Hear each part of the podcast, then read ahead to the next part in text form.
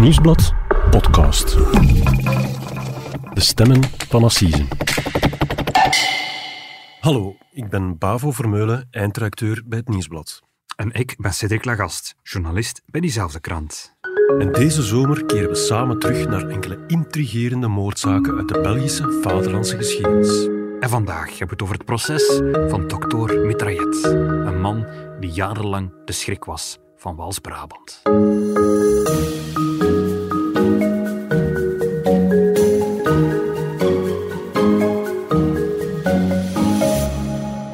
Hey Cedric. Dag Bavo. Cedric, we zijn alweer toe aan onze laatste aflevering van onze zomerspecial. Aan alle mooie dingen komt een eind. Zo is dat, eh, Cedric. In onze reeks hebben we deze zomer opnieuw een aantal spraakmakende assiseprocessen onder de loep genomen. En helemaal in het begin zijn we begonnen met de moord op een notaris vlak na de Tweede Wereldoorlog. En dan zijn we in de jaren 50 beland en in de jaren 60. En vandaag Vandaag, wel, we maken eigenlijk een cirkelbeweging. De cirkel is bijna rond. We eindigen opnieuw aan de periode vlak na de Tweede Wereldoorlog. We Ja. komen meer bepaald aan in de streek rond Brussel en een stukje Wals-Brabant. Je zegt Brussel en Waals-Brabant. Wil dat dan zeggen dat er meerdere misdrijven gepleegd zijn? Ja, we komen terecht eigenlijk bij een man die in 1949 wordt opgepakt, omdat hij op dat moment verdacht wordt van een moordaanslag. Maar ook een man over wie op dat moment al jaren heel veel geruchten de ronde doen. Iemand van wie gezegd wordt dat hij heel veel moorden op zijn geweten heeft. Het komt uiteindelijk tot een monsterproces dat maanden duurt en waarop dat politici, magistraten, militairen allemaal moeten komen getuigen. En de centrale vraag is, is deze man echt zo slecht als hier beweerd wordt? Cedric, je hebt al aangegeven dat dit een zeer belangrijk proces is geweest. Ik hoor al echo's van een doofpot. Er is sprake van meerdere moorden. Begin eens in het begin. Wel nee, ik ga beginnen bij het einde, Bavo. Oké. Want alles eindigt als de Rijkswacht op een avond op 18 februari 1949, om precies te zijn, gealarmeerd wordt door een wetsdokter. Door dokter Fernand Paté. Hij is die avond uit zijn slaap gewekt. Iemand heeft hem opgebeld, heeft hem eh, wakker gebeld eigenlijk. En iemand vertelde hem dat er een ongeval gebeurd was aan het station van Lillois. Nu, hij is wetsdokter. Zijn aanwezigheid was daar vereist. Dus hij staat op, hij trekt zijn kleren aan en hij springt in zijn auto en hij rijdt naar de plek die de stem hem heeft aangewezen. Ja. Maar als hij daar komt, er is niks te zien. Er is geen ongeval gebeurd. Tja, en de wetsdokter denkt van, oei, ik ben te laat, of ze hebben, ze hebben me liggen gehad, er is helemaal niks. Het is hem niet meteen duidelijk, maar bon, hij draait zijn auto om, hij rijdt weg, hij twijfelt zelfs nog even, hij keert nog even terug. Was het niet aan de overkant van het spoor, heb ik het niet meer zien, maar hij vindt echt niks. Ehm, hij keert terug naar zijn huis in Nijvel. Maar als hij in zijn straat komt, ziet hij een zwarte Buick achter hem rijden. Dat Ah, ja. is een, eh, een Amerikaans model van Ja, ja. auto. Dat valt op natuurlijk, En want die, hij, hij werd gevolgd, stel hij werd een beetje achtervolgd eigenlijk. Ja, of toch, hij krijgt die indruk dat hij s'avonds laat gevolgd wordt. Er rijden niet zoveel auto's niet meer rond. En dan zo'n speciale wagen. Dat valt allemaal op. Ja. En dan valt de centim bij de dokter, want hij weet van wie dat die auto is. Ah ja. Ja, hij snapt, hier is een valstrik gespannen, ik word achtervolgd en hij beseft, ik moet snel zijn. Hij rijdt zijn auto tot vlak aan zijn huis, hij springt uit zijn auto en hij zet het op een lopen. Hij rent naar zijn huis, hij rent voor zijn leven. En als hij binnen is, ziet hij nog net dat een van die mannen is uitgestapt. En die hebben zo een halsdoek voor een gezicht gebonden, om, Ja, ja. om een gezicht Gemaskerd. te verbergen. Voilà. En hij ziet dat en hij denkt, oh oh, en hij belt de Rijkswacht. En ondertussen wordt er al twee keer aan zijn deur aangebeld Ja. door een man met een verband rond zijn hoofd deze keer. Dus iemand die doet alsof ik heb een Ja, ja. dokter nodig. Maar hij roept naar beneden naar zijn vrouw, in godsnaam niet open doen. ja, want hij weet wie daarachter zit, wie er eigenlijk voor zijn deur staat, en hij is in paniek. Hij heeft een, een heel groot vermoeden. En als de Rijkswacht arriveert, is de auto al vertrokken. Maar zoals gezegd, het is een opvallende auto, een Amerikaans model. Dus die rijkswachters die rijden nog een beetje in de buurt rond. En ze zien die Buick uiteindelijk verdoken opgesteld staan achter de Onze Lieve Vrouwenkerk van het dorp. En als ze op de auto afstappen, komt de chauffeur naar buiten met een karabijn.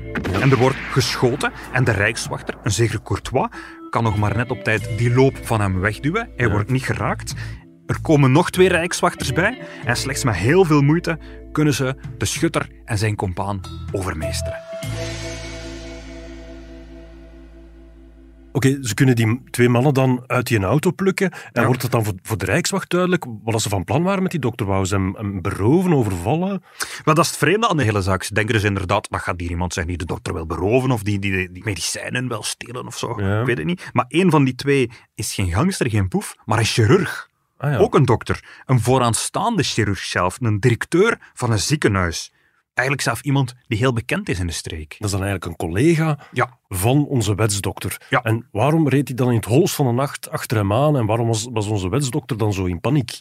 Zelf zal de chirurg daar niet veel over vertellen. Hij spuit vooral veel mist en hij heeft allerlei warge verhalen over wat hij daar die nacht aan het doen was. Maar de wetsdokter zelf, die is ervan overtuigd dat die chirurg hem kwam vermoorden. Dat het de bedoeling was dat hij eigenlijk moest sterven. Dat er eigenlijk een valstrik Het telefoontje. dat er een telefoontje was gepleegd om hem te lokken naar het station van Lillois en dat het eigenlijk de bedoeling was dat hij daar zou worden doodgeschoten. En op een of andere manier hebben ze hem daar gemist. De wetsdokter is te snel vertrokken.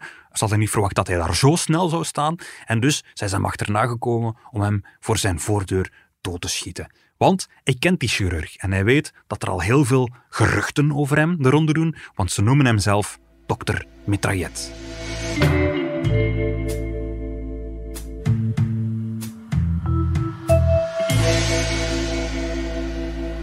Cedric, we zitten hier met een chirurg die de bijnaam dokter Mitraillet heeft. Dat is waarschijnlijk niet omdat hij heel snel werkt, want hè, onze wetsdokter is doodsbang van die man. Hè. Wat voor iemand was dat? Het is een op dat moment 40-jarige chirurg, dus. Ehm, zijn volledige naam is Célestin Rinchard. En hij wordt ook wel Le Beau Célestin genoemd, de knappe Célestin, omdat het een man is met nogal een eh, knap voorkomen. Hij is eigenlijk afkomstig uit het Waalse Fleurus, maar hij hield zich vooral op in Brussel. Hij heeft daar ook gestudeerd aan de ULB, aan de universiteit. En hij is eigenlijk een, een zeer begenadigd chirurg. Daar zijn eigenlijk alle andere dokters het over eens. Hij kent zijn vak. Het is ook iemand die al van voor de oorlog graag het geld liet rollen en die graag met dure auto's rondrijdt. Getuige daarvan ook eh, het Amerikaanse model waarmee dat hij mee rondrijdt. En ook tijdens zijn studies aan de ULB heeft hij ehm, veel politieke vrienden gemaakt. Hij houdt zich vooral op met mensen die bij de toenmalige Franstalige Socialistische Partij Ja. ehm, zich ophielden. En, en daardoor gaat hij uiteindelijk ook aan de slag bij de Socialistische Mutualiteiten.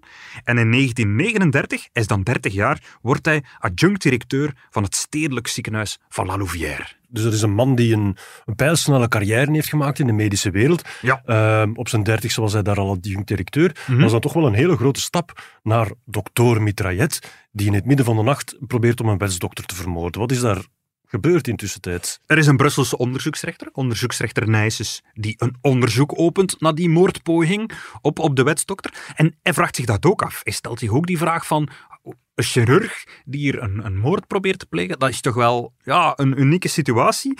En eh, in zijn onderzoek ontdekt hij eigenlijk dat het eigenlijk in Wals-Brabant gonst van de geruchten. Over wat hij allemaal in het verleden al zou hebben mispeuterd. En dit schrijven ze daar in de Gazet van Antwerpen in der tijd over.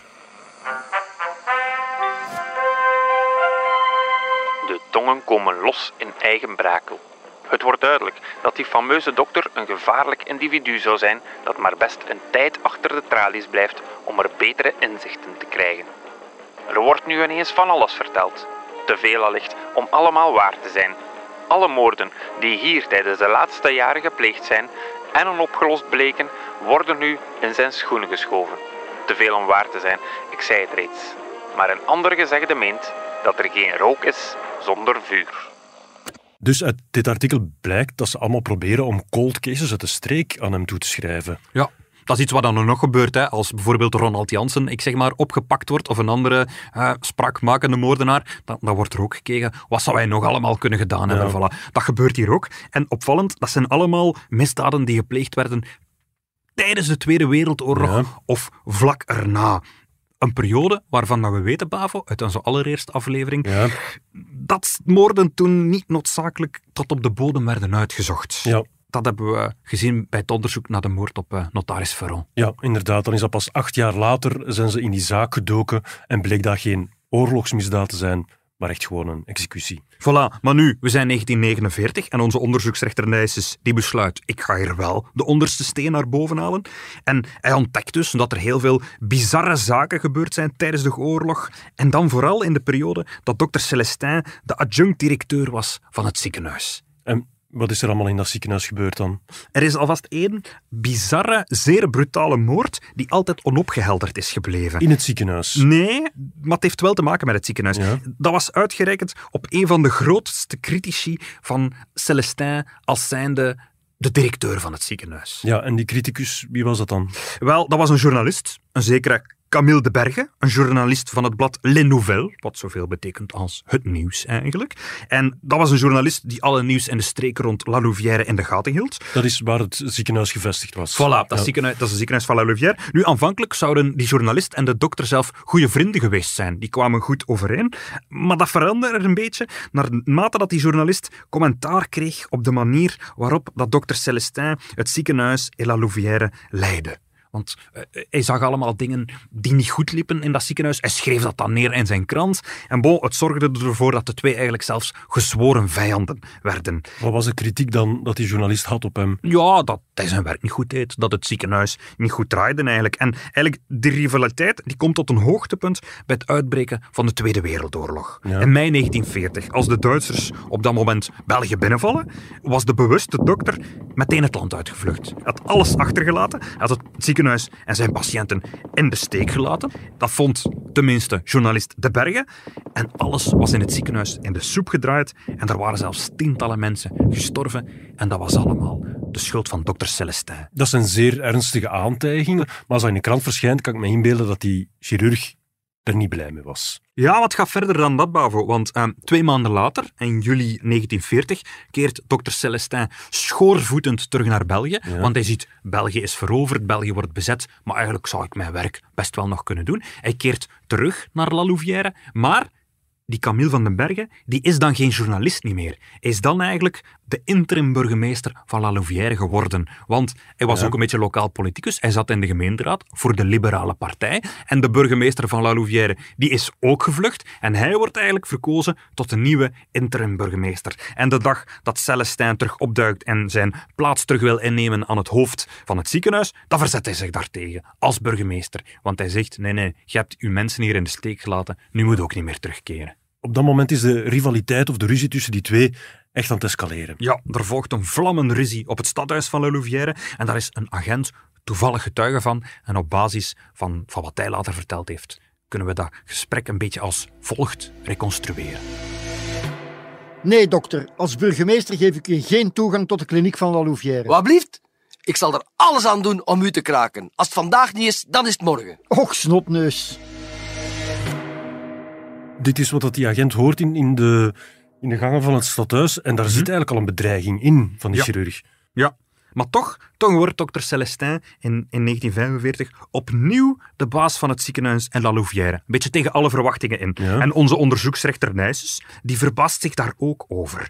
En hij vraagt zich af, hoe komt het dat de dokter toch opnieuw eh, ziekenhuisdirecteur ehm, kunnen, kunnen worden is? En hij ontdekt dat de Duitse bezetters de kritische burgemeester De Berger, eigenlijk in augustus 1940 hebben opgepakt en opgesloten in de gevangenis van Bergen.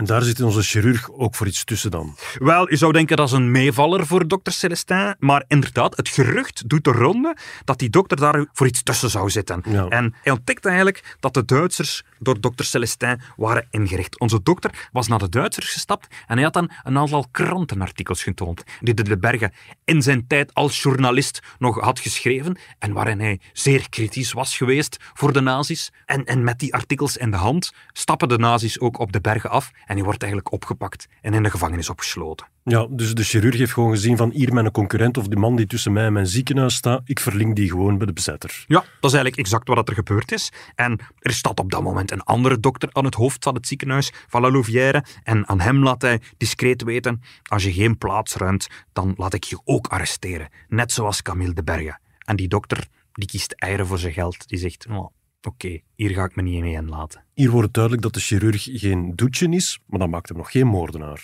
Nee, maar de kansen keren in de oorlog. De Duitsers die moeten vertrekken, België wordt bevrijd en de aardsvijand, de bergen, die komt terug vrij. Ja, en als die burgemeester op vrije voeten is, onderneemt hij dan ook een actie of wat gebeurt er dan? Wel, onze chirurg weet natuurlijk, die man is vrij. Die zal aan iedereen vertellen dat ik met de Duitsers heb gehuld. Dat ik eigenlijk een collaborateur ben. En dan, op een dinsdagavond, in oktober 1944, om 20 na 9 s'avonds, wordt er plots aangebeld bij de Bergen, die ondertussen een vrij man is. De man zit thuis in La Louvière met zijn vrouw en zijn moeder. Hij gaat naar de voordeur. Hè?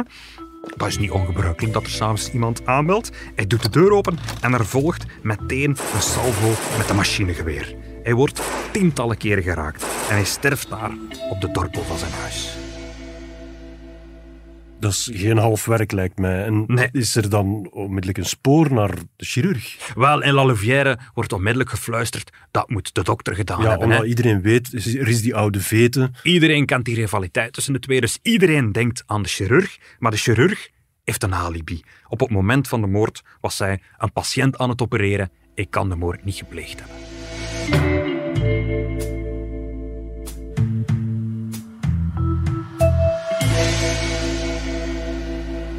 Cedric, als ik even mag samenvatten, de chirurg zit nu in de cel wegens die eh, vreemde moordpoging op die wetsdokter. Ja. En intussen is de onderzoeksrechter er ook achter dat er mogelijk een moord gebeurd is op die ex-burgemeester. Ja. Maar in het begin was gezegd van, er doen heel veel geruchten de ronde over die chirurg. Zijn er dan nog van die verhalen? Ja, absoluut. Hè. En niet alleen in La Louvière, maar ook in Eigenbrakel wordt er al over de dokter geroddeld. Dus hij was eerst directeur van een ziekenhuis in La Louvière, maar hij heeft daar eieren voor zijn geld gekozen. Hij is eigenlijk directeur geworden van een ander ziekenhuis, een ziekenhuis in Eigenbrakel. Maar daar wordt er ook al van alles over hem gefluisterd. Daar wordt er gezegd dat hij daar een verpleegster heeft willen ombrengen. Serieus? Vertel. In 1943 is hij in Eigenbrakel toegekomen, in dat ziekenhuis. En hij etaleerde zich daar een beetje als de grote verzetsheld. Hij zei eigenlijk, goh, ik, ik ben altijd al tegen de Duitsers geweest. Ik heb mij ingezet voor het verzet. En ik heb er alles aan gedaan om de nazi's hier tegen te werken. Hij zag natuurlijk dat de oorlog aan het draaien was. Hij was Ja, van kamp gekeerd. Hij was niet van plan om als de oorlog als collaborateur te eindigen. Alleen, in dat ziekenhuis werkte een verpleegster, verpleegster Aline, die echt bij het verzet zat. En die dus wel wist dat die dokter Celestin zijn verleden als verzetsheld verzonnen had. Ja, en hij had dan schrik van, oei, door die verpleegster kan dat allemaal uitkomen. Inderdaad, maar op het moment dat het onderzoek loopt, leeft de verpleegster nog. Dus onze onderzoeksrechter Nijsens, die krijgt dat verhaal ook te horen. Die gaat op zoek naar de verpleegster. Hij vindt haar en ze vertelt hem dat verhaal klopt. Inderdaad, op een dag is dokter Celestin opgedoken aan mijn huis en heeft mij daar geprobeerd om mij te vermoorden. Hij heeft me bij de keel gegrepen en hij heeft de revolver in mijn mond geduwd. Hij zei, je viens te casser la gueule. Hij heeft de trekker proberen overhalen, maar zijn revolver was defect. Ik heb me kunnen lostrekken, ik ben beginnen roepen en daarop is hij vertrokken. Die vrouw heeft duidelijk veel geluk gehad. Hè. De, de- het wapen blokkeert. Dat is ook de reden waarom dat ze het nog kan navertellen. Ja, maar ze beseft natuurlijk, ik kan dat nog eens proberen. Op een dag zal hij hier opnieuw voor mijn deur staan. Maar zij gaat dat vertellen aan haar vrienden van het verzet. En die nemen haar in bescherming, zo zegt ze.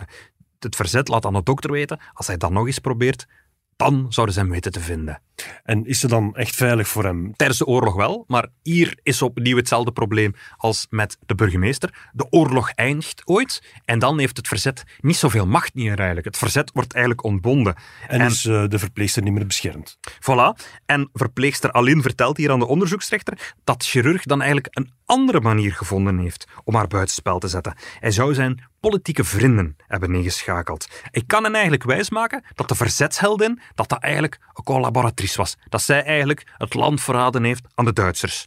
En ze geloven hem. Het omgekeerde gebeurt. Ze wordt veroordeeld tot de doodstraf. En de onderzoeksrechter die vindt verpleegster Aline eigenlijk terug in de gevangenis, waar ze zit opgesloten. Ja, maar ze zit daar onterecht opgesloten, ga ik dan vanuit. Ehm, verandert dat iets aan haar situatie, dat de, de onderzoeksrechter daar nu ineens bij haar zit? Vooral het feit dat dokter Celestin plots van van alles verdacht wordt, verandert veel aan de situatie. Hè? Het onderzoek naar haar oorlogsverleden, dat wordt heropend en ze wordt uiteindelijk vrijgelaten. De chirurg heeft nu eigenlijk al drie mensen geviseerd. Hè. De wetsdokter, de journalist-burgemeester en nu die verpleegster. Ik begin al te begrijpen waarom dat je hem in het begin de, de schrik van de streek hebt genoemd. Ja, maar de geruchtenmolen blijft draaien. Hè. Het is, Er is niet nog- het enige waar hij wordt gelinkt. Nee, elke keer wordt hij opnieuw van nieuwe misdaden beschuldigd. Er is bijvoorbeeld een West-Vlaamse zakenman uit Tielt die naar Eigenbrakel verhuist. Die heeft het gemaakt en die komt daar in een kasteel wonen. Maar in mei 1947 wordt hij in zijn kasteel neergeschoten. Er is een onbekende schutter die hem van op 30 meter afstand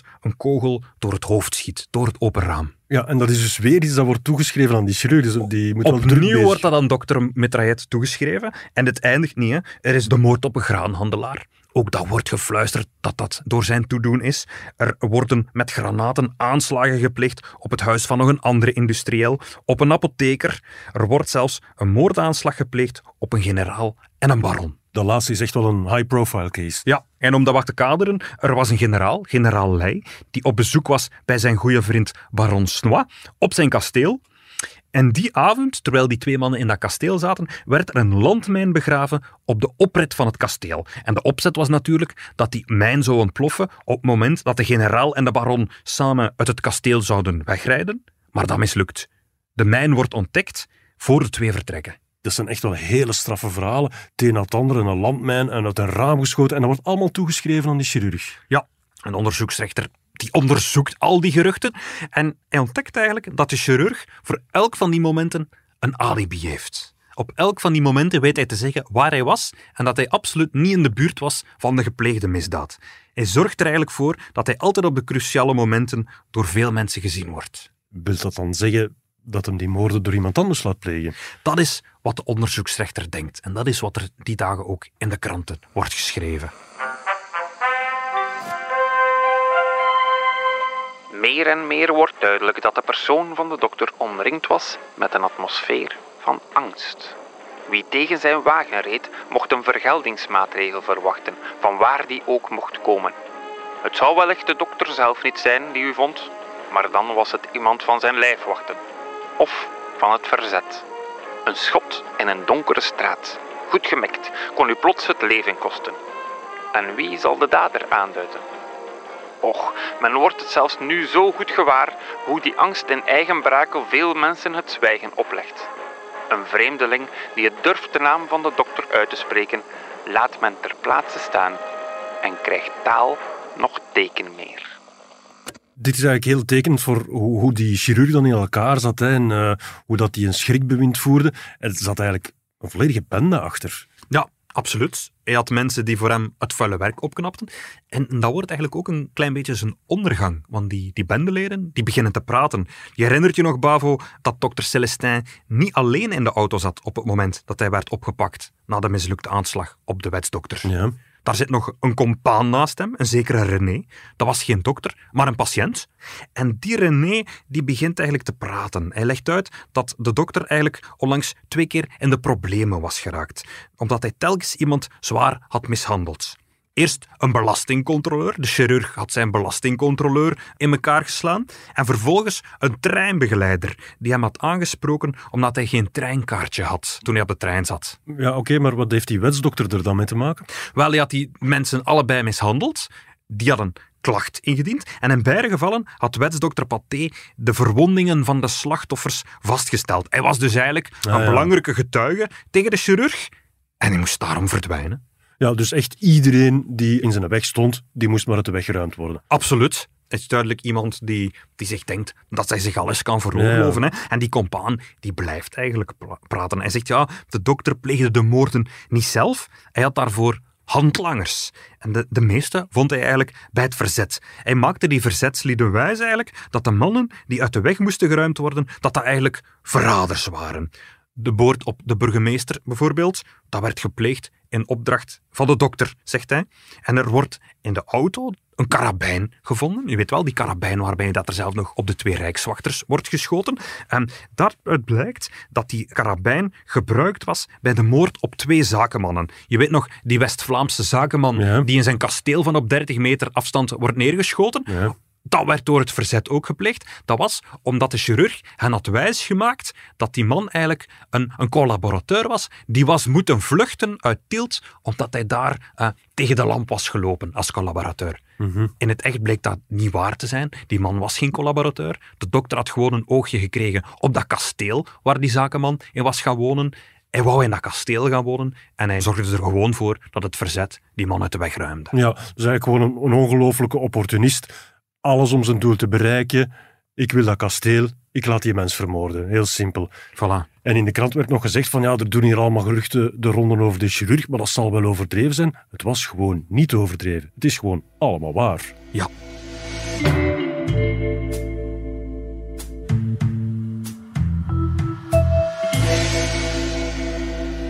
Cedric, dit verhaal heeft alles om echt een megaproces te worden. Hè. En enorm veel beschuldigingen, een vooraanstaande dader, een chirurg en dan ook uh, high-profile slachtoffers. Dat moet wat geweest zijn. Absoluut. Het wordt een assiseproces en dat start op 19 november 1951 en het zal maar liefst 75 dagen duren. Neem ons dan eens mee in de zaal, Cedric. Hè. Die dag 1, die chirurg komt binnen. Wat voor een indruk maakt die man? Wel, we zijn in het Justitiepaleis in Brussel, in de assisenzaal. En die zit afgeladen vol. Journalisten, publiek, iedereen wil dat proces bijwonen natuurlijk. En alle aandacht gaat natuurlijk naar de chirurg Ja. als hij de zaal binnenkomt. Hè. Hij komt binnen met zijn hoofd hoogmoedig omhoog. Het is niet een geslagen man, een gebroken man. Nee, hij komt strijdvaardig de zaal binnen. Hij is gekleed in een donker pak, een hagelwit hemd. Hij heeft zelfs een klein wit zakdoekje in zijn pochet Ja, zo zitten. ja. Eh, keurige man en hij straalt waardigheid uit, zeggen de kranten. Hij heeft iets van een Italiaanse dictator, vindt de ene journalist. Een Don Juan aan het einde van zijn carrière, een directeur van een Frans ministerie, schrijft weer een andere kant. En ik heb uiteraard ook een foto van hem gevonden. Als hij de zaal wordt binnengewacht, omringd door rijkswachters. Je ziet ook zijn wit pochetje natuurlijk. Ja, wel, die ziet er echt voor de eerste keer in deze reeks totaal anders uit dan dat ik verwacht had. Oké. Ehm, ik denk dat ik alle omschrijvingen die de kranten hebben gekozen, dat ik meest neig naar de eh, Italiaanse dictator. Het is echt een iets oudere man en met zijn haar achteruit gekamd, eh, gel in, eh, zoals je zei, strak in het pak. Maar hij ziet er strijdvaardig uit. Ja, ik, ja, het is, speelt als een kleine glimlach om zijn lippen. Hij kijkt recht in de lens van de fotograaf. Ja, Ehm, zo stoutmoedig echt. Absoluut. Ja. Ja. Maar hij staat daar niet alleen, Bavo. Tijdens het onderzoek zijn er in totaal 14 mensen opgepakt die er allemaal van verdacht worden dat ze de chirurg geholpen hebben. Ja, dus allemaal uitvoerders van zijn, zijn plannetjes. Niet alleen uitvoerders. Er is zelfs tijdens het onderzoek ook een, een magistraat opgepakt. Iemand van het parket zelf, die ervan verdacht wordt dat hij bepaalde onderzoeken tegen onze chirurg in de doofpot heeft Ah ja, gestoken. dus hij werd echt afgeschermd op een hoog niveau. Dat is wat er verdacht wordt. We zullen Ja. het nooit weten, Bavo, want die magistraat die is uit het leven gestapt. Hij had misschien ooit moeten terechtstaan op het proces, maar hij is uit het leven gestapt. Ja. Wie staat er wel terecht? Er staan acht mensen samen met hen terecht. Er zijn een aantal trawanten die de moorden hebben uitgevoerd, Ja. een aantal verzetslieden, ook een taxichauffeur, een student, een metser, maar er is ook een gemeenteraadslid uit Eigenbrakel, een vrouw, Lucienne, en haar echtgenoot, Fernand. En die zouden hem binnen de gemeente Eigenbrakel, binnen de politieke wereld, zo'n klein beetje eh, de hand boven het hoofd hebben gehouden, eigenlijk. dat bewijst wel waar dat de aflevering mee begonnen zei, van ja, dat dat ook een soort van doofpot geweest is, hè, dat hij geholpen werd op, op hogere niveaus. Dat is op dat moment ehm, toch de overtuiging van het parket, want die mensen staan mee terecht. Ja. Zelf ontkennen ze dat natuurlijk. Hè. Nu, vooraan in de rechtszaal staan ook nog de bewijsstukken tegen de chirurg en zijn bende uitgestald. Er staan drie grote houten kisten vol met wapens. Ook een fles vitriol, waarmee dat ze de wetsdokter wilden martelen, blijkbaar. Ze wilden die overgieten met vitriol. En ook een hoed die als volgt wordt omschreven. Een oude klak die ooit een hoed is geweest om er werkelijk als een bandiet uit te zien. Zo'n hoed die je lekker over uw ogen kunt trekken en die serieuze mensen een straat omstuurt als ze u daarmee zien komen. Geestig. Maar als je alles optelt waar, wat daar vooral in die zaal staat, dat is echt zo'n regelrecht maffiaproces. hè. Zoveel wapens en vergif enzovoort. Ja. Wat is de verdediging van de, van de chirurg dan? Heel kort, hij zegt dat hij onschuldig is. Hij ontkent alles. Dokter, stel u een keer recht. Wist je dat Camille de Berg een klacht tegen u had tegen die wegens zijn civisme? Meneer de voorzitter, ik ben daar heel formeel in. Ik wist dat niet. Ah, vlak voor de moord op de Bergen was er een vergadering. Wat is er daar gebeurd? Maar ja, we hebben, we hebben kwaad over hem gesproken natuurlijk. We hebben ge- gezegd dat hij een gevaar was voor het verzet. Moutier was daar trouwens ook bij. Maar nooit, nooit hebben wij Wautier gevraagd om hem neer te schieten of hem tot moorden aan te zetten of wat dan ook. We zijn misschien wat onvoorzichtig geweest uh, in onze woorden en zo, maar wat, wat wilt je? In die tijd gingen de woorden ook veel rapper dan de gedachten natuurlijk. Ja, dat was met revolvers uh, niet anders, hè, dokter. Ja, ja. Maar um, gezegd dus dat je daar niet waard op het moment van de moord. Absoluut, absoluut, meneer de voorzitter. Ik ben er heel formeel in. Voor de moord op burgemeester De Bergen beweert hij dat hij een alibi heeft. Ja, Weet je nog, Bavo? Dat heeft hij uh, verteld. Hij was het opereren. Ja. Maar op het proces blijkt eigenlijk dat dat alibi niet klopt.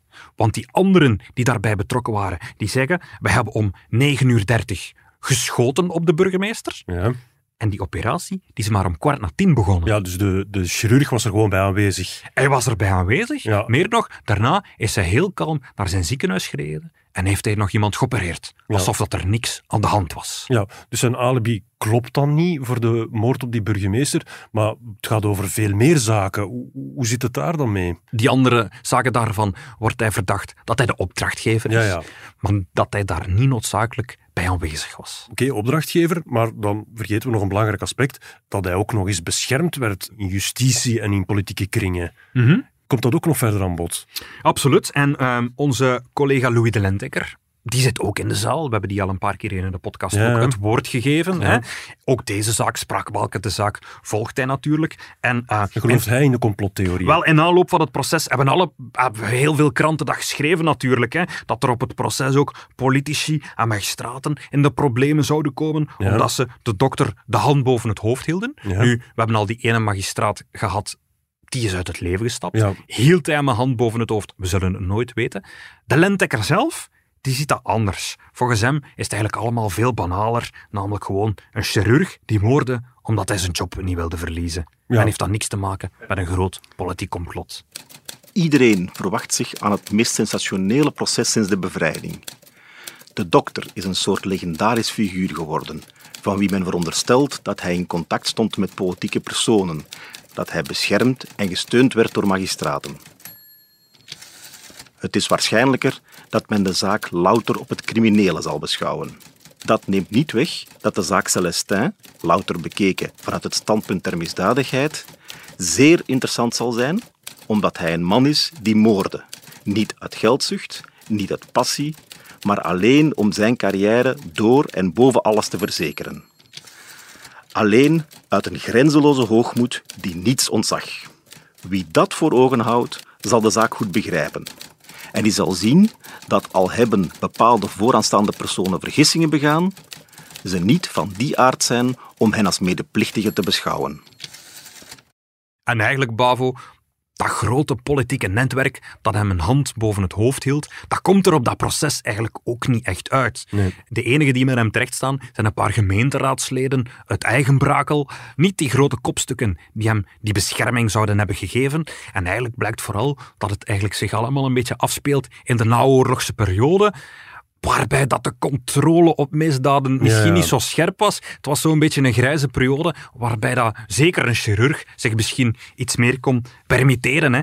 En die andere beschuldigden, de verzetslui die de moorden hebben uitgevoerd, die zeggen eigenlijk dat ze bedot zijn geweest. Ze dachten dat ze in naam van het verzet een goede daad pleegden en een verrader uitschakelden, dat ze hun, hun land ter goede trouw waarden. Ja, ja. En achteraf ontdekken ze dat ze eigenlijk gewoon een chirurg gediend hebben die zijn job niet wou verliezen. Ja, dat doet mij heel veel denken aan het, verhaal van een van onze vorige podcasts. Daar gebeurde dat ook in. Hè. We schakelen wat verle- verzetslui in. Eigenlijk gebruiken we die gewoon om in de chaos van de oorlog wat moorden te laten plegen. Ja, met dit verschil dat de uitvoerders deze keer wel mee vervolgd worden. En de reden daarvoor is, Bavo, deze moorden zijn gepleegd nadat de oorlog al voorbij was. Hè. Ja. De moord op notaris Veron die was in volle oorlogstijd gebeurd. Dat is van onze vorige podcast. Voilà, dit is allemaal na de oorlog gebeurd. Ze hadden beter moeten weten.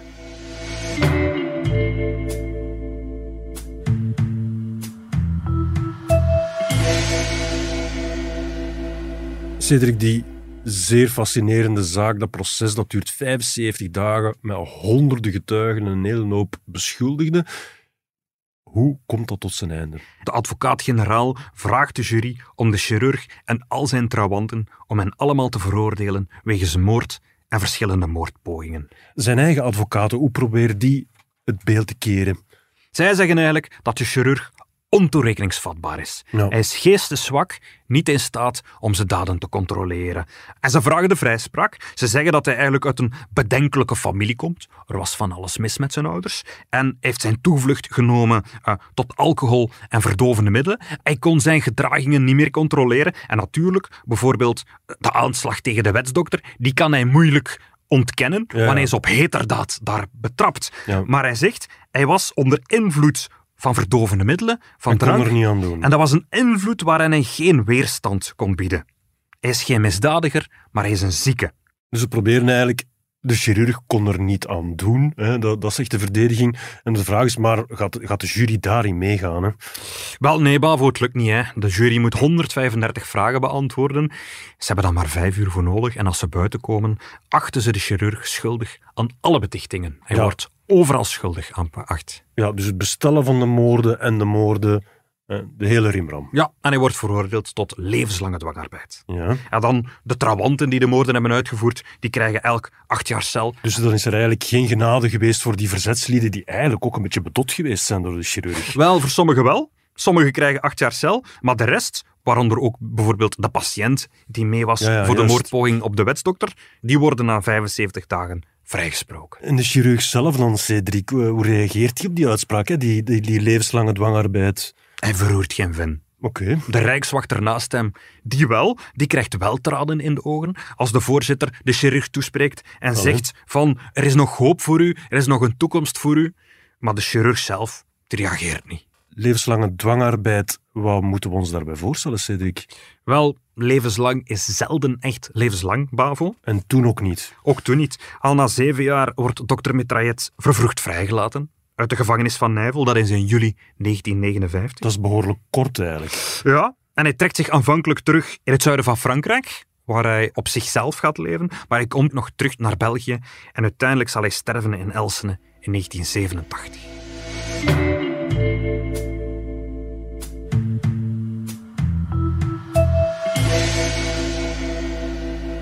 Cedric, helaas zitten we daarmee aan de laatste aflevering van onze zomerspecial van Stemmen van Assise. Hè? Het zit erop. Onze reis is ten einde. Absoluut.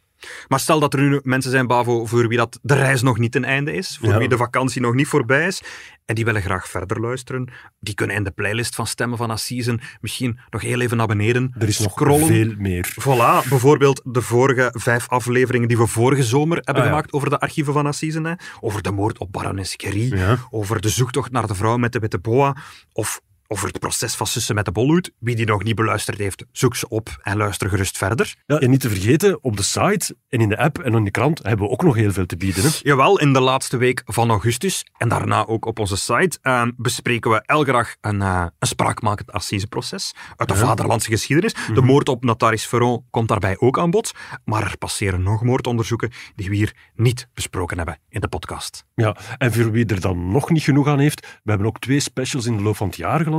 Misschien is het nu het ideale moment om die ook eens te beluisteren. Ehm, jij hebt de stem van de moordenaar gemaakt, een Ja. vijfdelige reeks die zich afspeelt in de Vlaamse Ardennen. Ja. En dan hebben we nog een zeer goede reeks ook over de dood van Sandadia, eh, waarbij Pieter Huibrechts met alle betrokkenen heeft gepraat. Ja.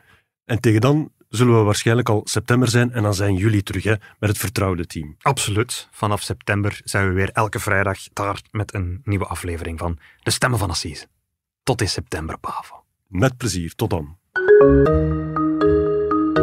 Dit was De Stemmen van Assisen, een podcast van het Nieuwsblad. De stemmen waren deze week van Bavo Vermeulen en van mezelf, Cedric Lagast. De montage gebeurde door Benjamin Hertogs van House of Media. En de productie was in goede handen bij Bert Heijvaart en Joni Keimolen.